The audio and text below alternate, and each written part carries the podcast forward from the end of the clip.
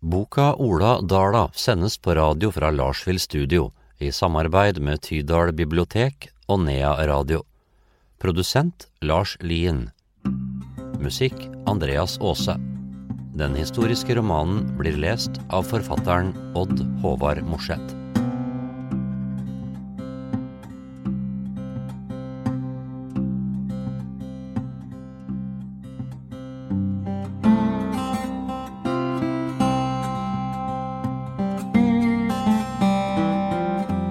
Kapittel 17 Det er Februar 1824 Varetransport. Han satte kjøreturen hjemover, denne gangen gjennom gravparken og langs bryggene ved kanalen i Fjordgata. En gris hylte, borte ved slaktehuset. Blakken ble urolig og løsnet på stegene. Han ville gå fortere. Grisehylet gikk over i en skjærende toneart, som brått ble kuttet over. Ørene til Blakken sto spisst framover, framparten ville opp. Over i galopp. Ola merket at pulsen økte. Det her var et håpløst sted, med hest i panikk. Folk tok knapt notis av hester og kjerrer der de krysset gatene slik det måtte passe dem. Han samlet tømmene forsiktig og roet hesten med lett kontakt mot bittet. Den søte lukten av vom og varme tarmer fulgte dem oppover mot pakkhusene langs Kjøpmannsgata. Hesten svingte lydig utover lemmene mellom vinsjetårnene på bybroen. Det ramlet i lemmene og skurte i treverk over brua. Nidelven kom seilende med noen snødekte isflak i elvestrømmen. De duppet opp og ned og stanget kantete og urytmisk mot landisen.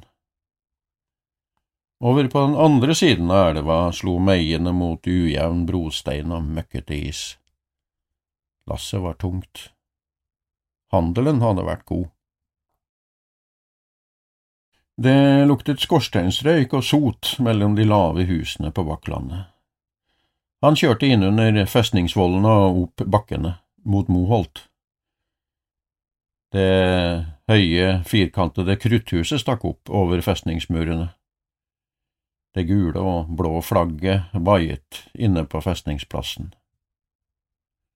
For seks år siden hadde Karl Johan blitt signet som Norges konge her, i Nidarosdomen. Like fullt pekte kanonløpene truende fra festningen og utover byen, som om det var i de travle gatene fiendene befant seg.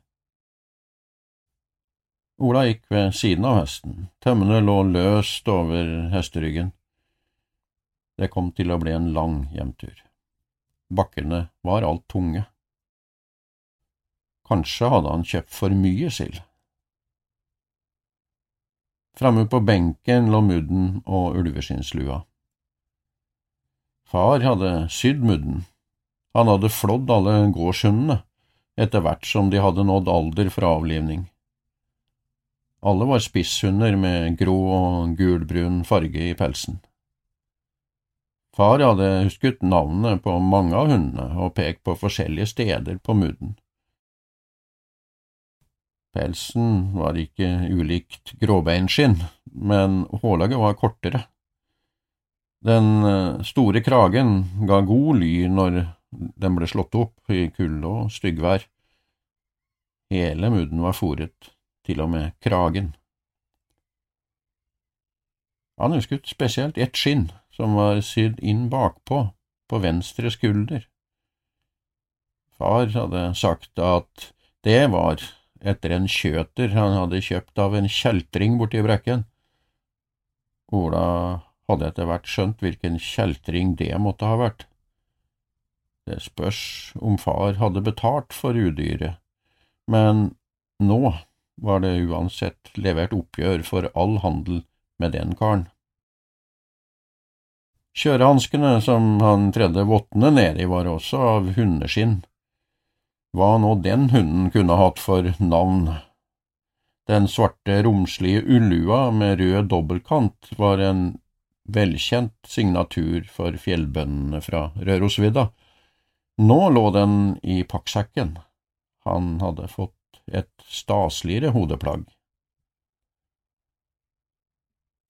Ola gikk ved siden av lasset, helt til de passerte den siste gården ved Jonsvannet. Da tok han hesten etter tømmene og svingte av veien. Det var på tide å skifte av søndagsklærne. Han stjelet av og ordnet seg for natten under noen grantrær. Det luktet godt av den vintergrønne skogen. Hesten sto som vanlig bak sleden med høy til kveldsmål og vann i bøtta. Han var advart mot uh, røverier på veien innover mot Jervskogen, men kjente seg trygg så nær bebyggelsen. Det var godt å rulle seg inn i den store åklefellen etter far. Mor vevde åklær med det tradisjonelle mønsteret som gården var blitt så kjent for. Hun hadde hatt en god læremester i å sette opp renning til dobbeltvev, mens faster Berit fortsatt bodde på gården. Mor hadde nok lært den spesielle teknikken fort. Det var sterke tradisjoner for vevna inne ved meslingen der mor kom fra. Et slikt åkle hadde hun sydd fast over skinnsiden av fellen, Skinnet og fellen holdt seg tørr i nesten all slags vær. Åklefellen reddet liv i strenge vinternetter under åpen himmel. Det kjentes som om mor og far var med på kjøreturen. Det var stille i vinternatta. Bare et svakt sus fra grantrærne svevde innover i skogen. Faster Berit Pedersdatter hadde giftet seg og reist fra Dala. Hun hadde flyttet nedover dalen til Jon Hilmo og et lite gårdsbruk. Det var trange kår og sultne barn, men Berit fortsatte å veve. Noen ganger kastet ikke mer av seg enn at det var nok skilling til innkjøp av nytt garn, andre ganger kunne det være redningen i nøden. Berit ble tidlig enke, og led like etter samme skjebne som Ola. Flere hus på småbruket brant ned. Hun berget veven, men måtte starte på nytt. Tok med seg barna og reiste til Meråker. Der var det full drift i gruvene og god aktivitet ved smelteverket. Kanskje var det mer penger og bedre marked for god vevnad ved Kopperåa. Hun fikk i det minste husrom hos slektninger der. Berutåkle var kjent i mange bygder nå. Nylig hadde hun fått en hederspris fra Det kongelige norske vitenskapers selskap for sitt gode arbeid.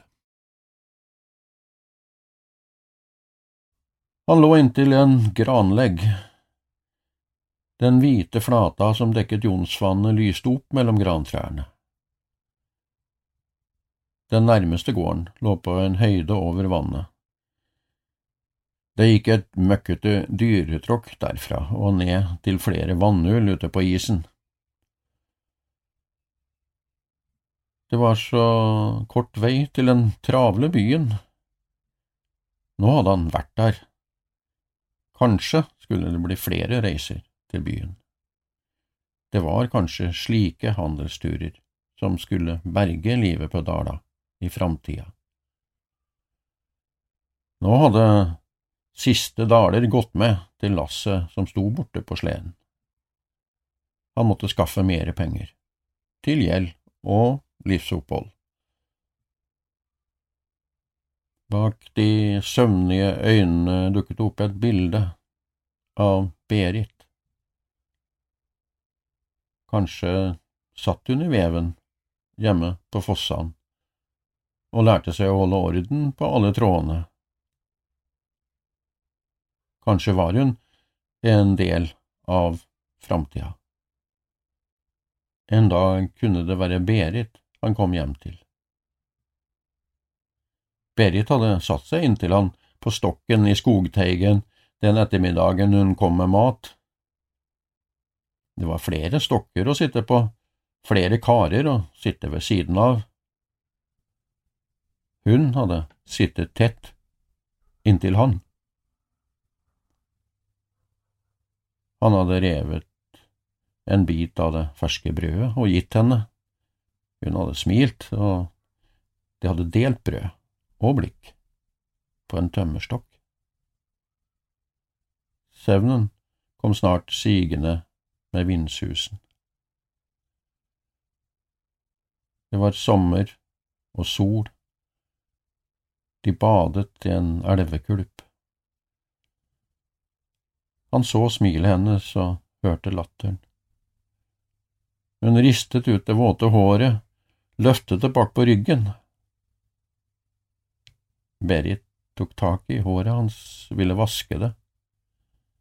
Hun hadde såpe på hendene. Den lette, bekymringsløse stemmen hennes hvisket ham i øret. Det var ord han ikke hørte, men ord han drømte. I natt kunne han kjenne varmen av Berit i fellen.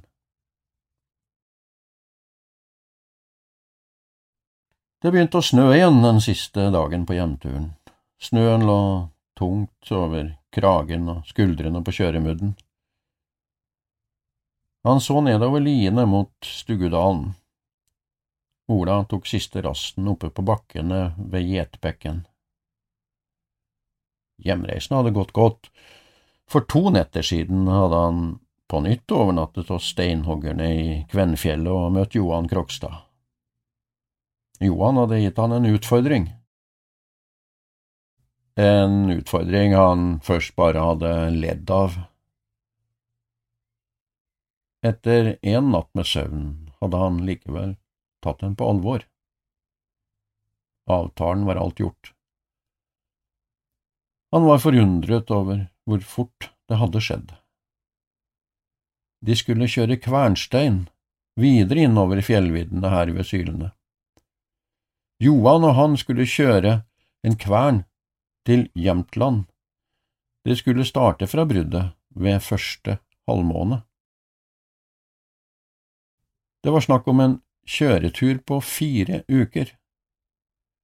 Bøndene i Selbu hadde liten lyst på en så lang transport. De hadde kjørt mange kverner over kjølen, men som oftest var det til Ånd eller Handøl, noen ganger fram til Duved. Der brukte oppkjøperne og bønder å møte opp og ta transporten videre. Denne gangen var det en spesiell bestilling. Det var riksdagsmannen Anders Nilsson som sto bak ordren. En tikvartings kvern skulle leveres hjem til ham i bakgården i Stugbyen. Så langt innover i landet som til Stugun var det ingen som hadde fraktet steinene før. Ingen av fraktebøndene kjente til riktig vei eller retning. Kvernsteinene var hogd ut på senhøsten, Finhogging og sanddraging var gjort ved juletider. Noen måtte ta ansvar for frakt. Du har slekt inne i Jungdalen og ved Storsjø, du kjenner vegen gjennom fjellet dit, hadde Johan sagt. Det var sant nok, men lenger inn i Jämtland var han helt ukjent. Johan hadde likevel klart å overbevise ham om at de ville få hjelp og anvisning om de klarte å komme seg så langt på vei. De trengte begge penger. Det var bare gjennom handel og tjenester at det var en mulighet. Steinene var tatt ut i bruddet til bøndene i Øverbygda. Krokstadgården var en del av drifta der. Bøndene hadde gitt en ynkelig pris for frakta, men riksdagsmannen hadde gitt lovnad om tre tønner korn til hver av frakterne som kom til Stugun. Anders Nilsson hadde kvittert ut handelen med handelshuset til Otto Beyer i Trondheim, og bøndene hadde tatt ut et forskudd som sikkerhet. Det gikk snart mot vår inn i de svenske lavlandene. Leveransen måtte gjennomføres. Ola hadde tøyd på det, lenge nok til at de ble tilbudt én daler hver i tillegg på frakten. Blakken ristet ut snø av mana og prustet utålmodig. Han var klar for siste strekning mot stallen. Det var ikke noe feil med sansene til hesten, han visste alltid hvor hjemveien var. Ola så fram til å levere varene på Stuggevollen. Han kom med godt bud. Det var forsyninger nok til alle ut vinteren. Seks daler lå urørt i skinnpungen han skulle levere tilbake til Lars. Det var en hel månedslønn, det, den tiden Lars var smed i Tydalsgruven og arbeidet ved Selbu kopperverk. Silda hadde alt kastet av seg. Det hadde gått som planlagt. To tønner sild var solgt til steinhoggerne. De hadde betalt fra felleskassa til matlagene. Et lite påslag hadde gitt nære tre daler i avkastning. Selbubøndene hadde vært godt fornøyd med handelen, rimeligere sild hadde de knapt fått tak i. Ola hadde kanskje glemt å nevne noe om litt ringe kvalitet. Han skulle dele den tredje sildetønna han hadde kjøpt med Hans. Endelig kunne han gi tilbake til folkene på flaten. To tønner sild skulle være med kvernsteinen over fjellet og inn i de svenske bygdene. Prisen kom til å stige med den lange frakten. Mens han sto der, letnet været utover bakkene mot dalen. Han kunne så vidt skimte husene på gården. Han hadde ikke vært bekymret for Anne og Halvor på hele turen, Maren hadde vært der. Nå måtte han spørre om hun kunne være på gården enda en stund utover mot våren. En blek måne kom til syne gjennom skydekket. Den hadde mistet en liten skalk på høyre side. Dagslyset forsvant nede i dalen. Det dampet av snøen som smeltet oppe på hesteryggen. Lasset hadde vært tungt. Hesten hadde slitt i alle bakker. Blakken lettet på rumpa og la igjen en siste personlig hilsen i kjøresporet før han satte ut en framfot og røsket løs sleden. Ola hoppet opp på benken. De satte utfor bakkene. Ulvehalen danset bak i nakken. Snart skulle de ut på en mye lengre tur enn den her. Skottegården, fredag 18. april 1862 De ble sittende med bordet etter mat. Det ser ut til at Ane setter pris på å ha folk i huset. Hun stekker havrekaker i jern, kaffekjelen får et nytt oppkok. Det er tydelig at hun inviterer til mer prat. Det er sjelden at Ola blir sittende inne for å prate en hel formiddag. Det er sikkert ikke vanlig her i huset heller. Hun spør hvordan det står til med Ole Larsen borte på Stuggevollen. Eier han fortsatt seks utmarksteiger og fire gårder, som det sies? Ola kan fortelle at slik er det ikke lenger. Broren Henrik og Elen Hjertine har tatt over på Rotvollen for mange år siden. De fikk med seg slåttemarka Lars kjøpte på auksjon på Dala. Lars eide Rote etter at Sakse fikk problemer der, det er nok ryddet opp i nå. Erik Kristian Dahl og mora har gitt en håndstrekning. De kjøpte Klokkervollen også. Det var bra for Saksa at han hadde rikfolk i slekta. Eier Ole fortsatt begge gårdene på Stuggevollen, da, spør Anne. Ja, det var store verdier Ole fikk med med arven etter Lars og Maren. Tore hans fikk bykselavtale med Lars etter at han kjøpte begge gårdene, og slik er det trolig fortsatt. Det kommer kanskje ikke nye dit. Sønnen han, Ole Stuvold Hansen, er i full gang med teologistudier eh, ved det nye fakultetet i Kristiania. Har du hørt på maken? Kan unger til fattige fjellbønder bli ordinert til prester nå for tida? Ane setter i en gapskratt, som smitter over på de andre. Ola får bare til å dra litt på den ene munnviken. Ane begynner å fortelle om Lars Eriksen, første bosetteren på Stuggevollen. Hun vil at folket på gården skal få høre den historien.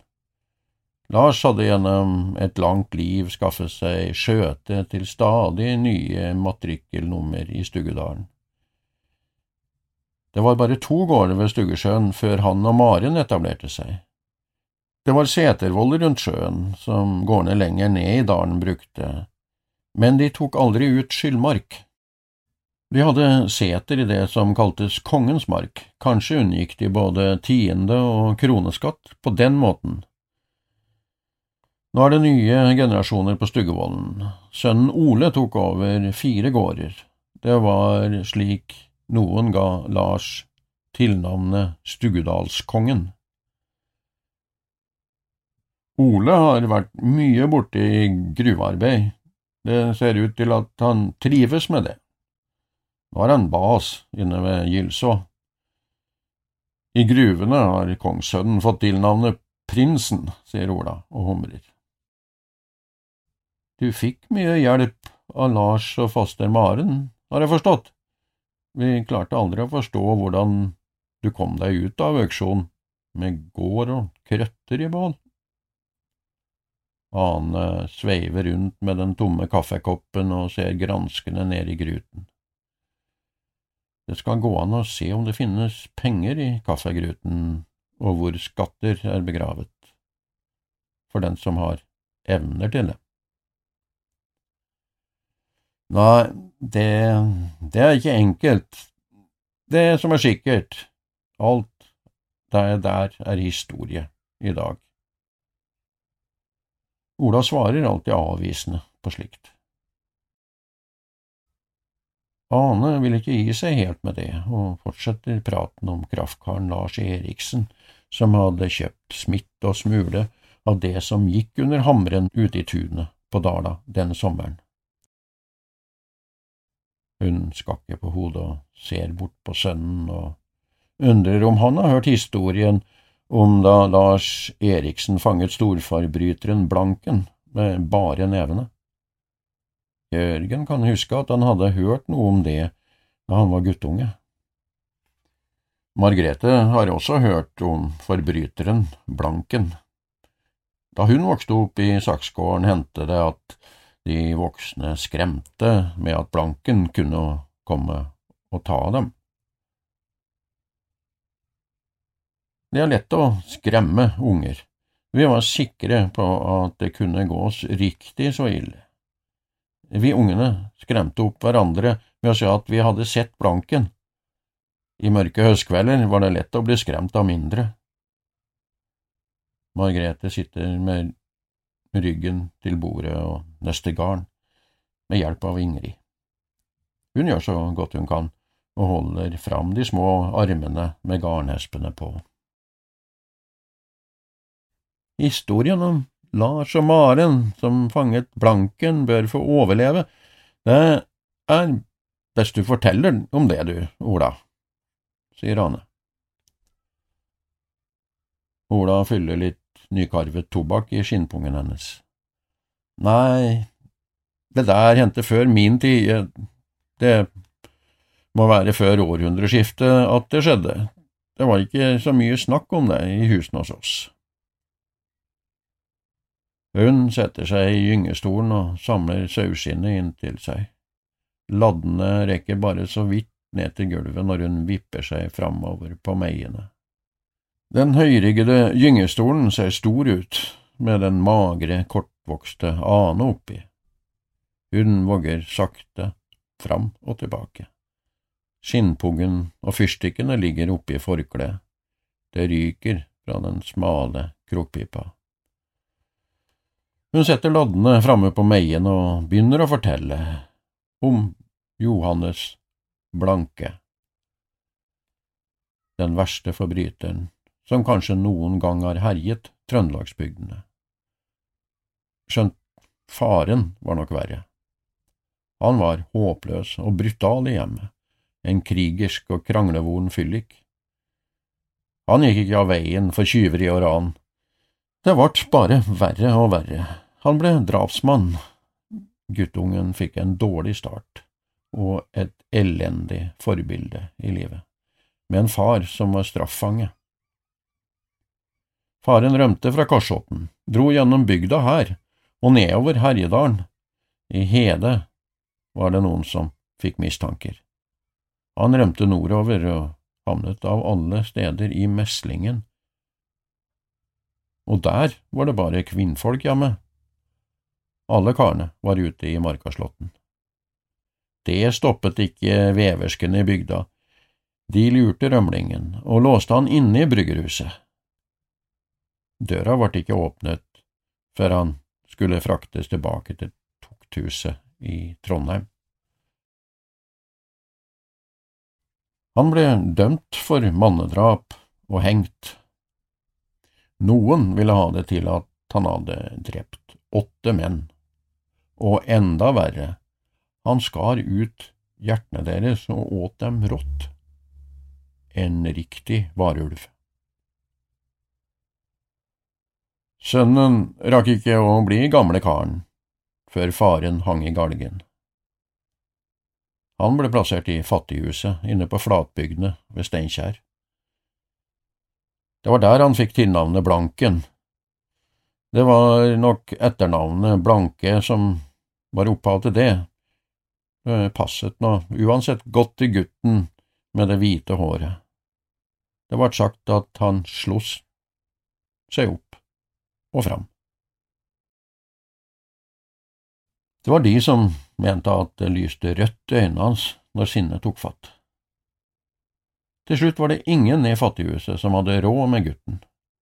Han spaserte ut dørene der før han ble konfirmert. Men nå skal jeg prøve å lage en lang historie kort.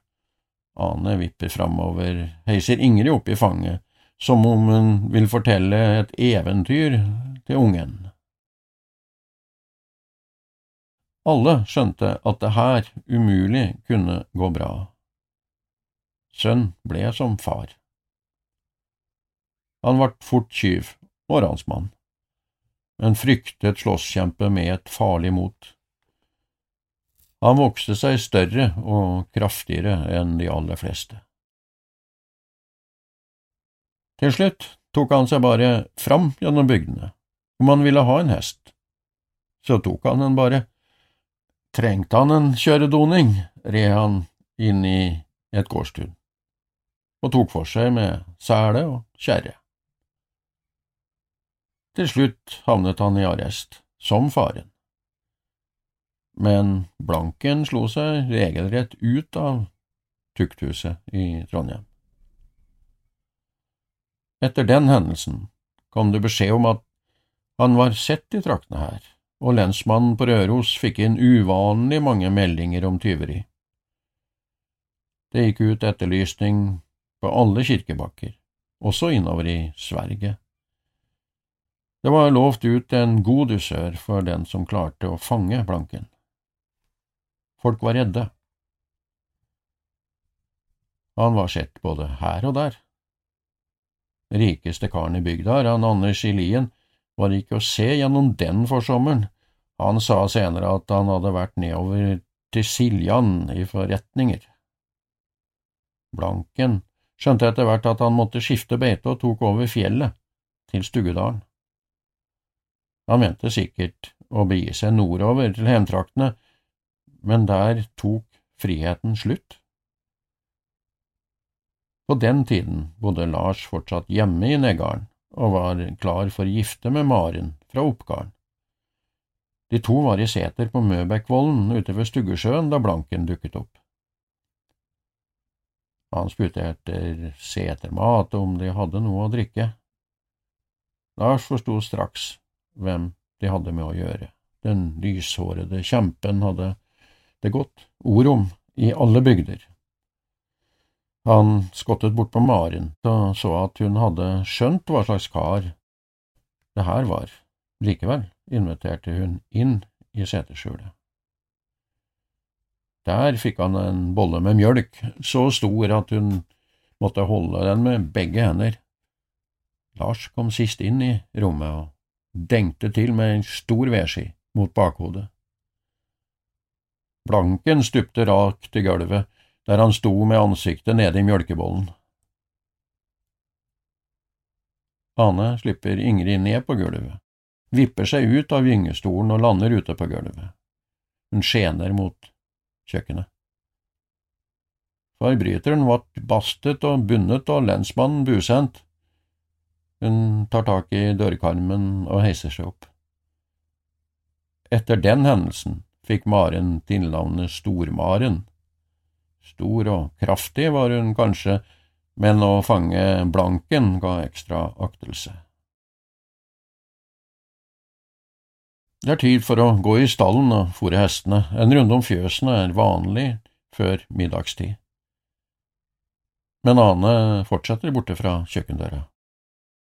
Du har kanskje tenkt litt over resten av historien nå i ettertid, du òg, Ola? Det tok lang tid å hente lensmannen fra Selbu. Han hadde kanskje ikke så stor tiltru på at de klarte å holde Blanken på plass til de kom. Han sendte i alle fall den unge assistenten, Joris Nordby, oppover dalen. Lensmannen hadde sikkert ikke regnet med den oppstanden det skapte i Trondheim da Nordby kom kjørende med arrestkjerra fram mot tukthuset. Ola hadde fått med seg den delen av historien, men var ikke helt sikker på hva Ane ville fram til. Han har satt hendene i bordplata og er klar for å gå i stallen, men Ane fortsetter. Det er nok godt å vite hva avtalen var, men han Lars var nå en som så muligheter i alt. Liten lyst hadde han til å bo sammen med faren i Neggarden.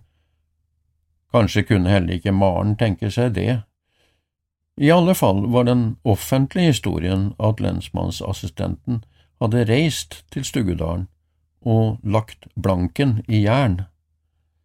Med slikt fulgte heder og ære. Ikke lenge etter ble han utnevnt til lensmann. Lars og Maren fikk tilkjent dusør for å ha holdt blanken under oppsikt til Nordby overmannet ham.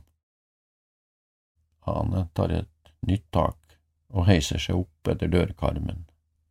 Et lurt smil har bredt seg helt opp til de plirende øynene.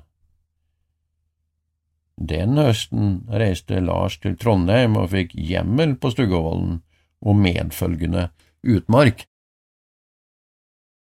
Det var nok, slik da som nå, det lønner seg å holde inne med øvrigheta, ler Jørgen. Ja, de kom godt overens, han Lars og lensmannen under auksjonen på Dala, slik det hørtes ut.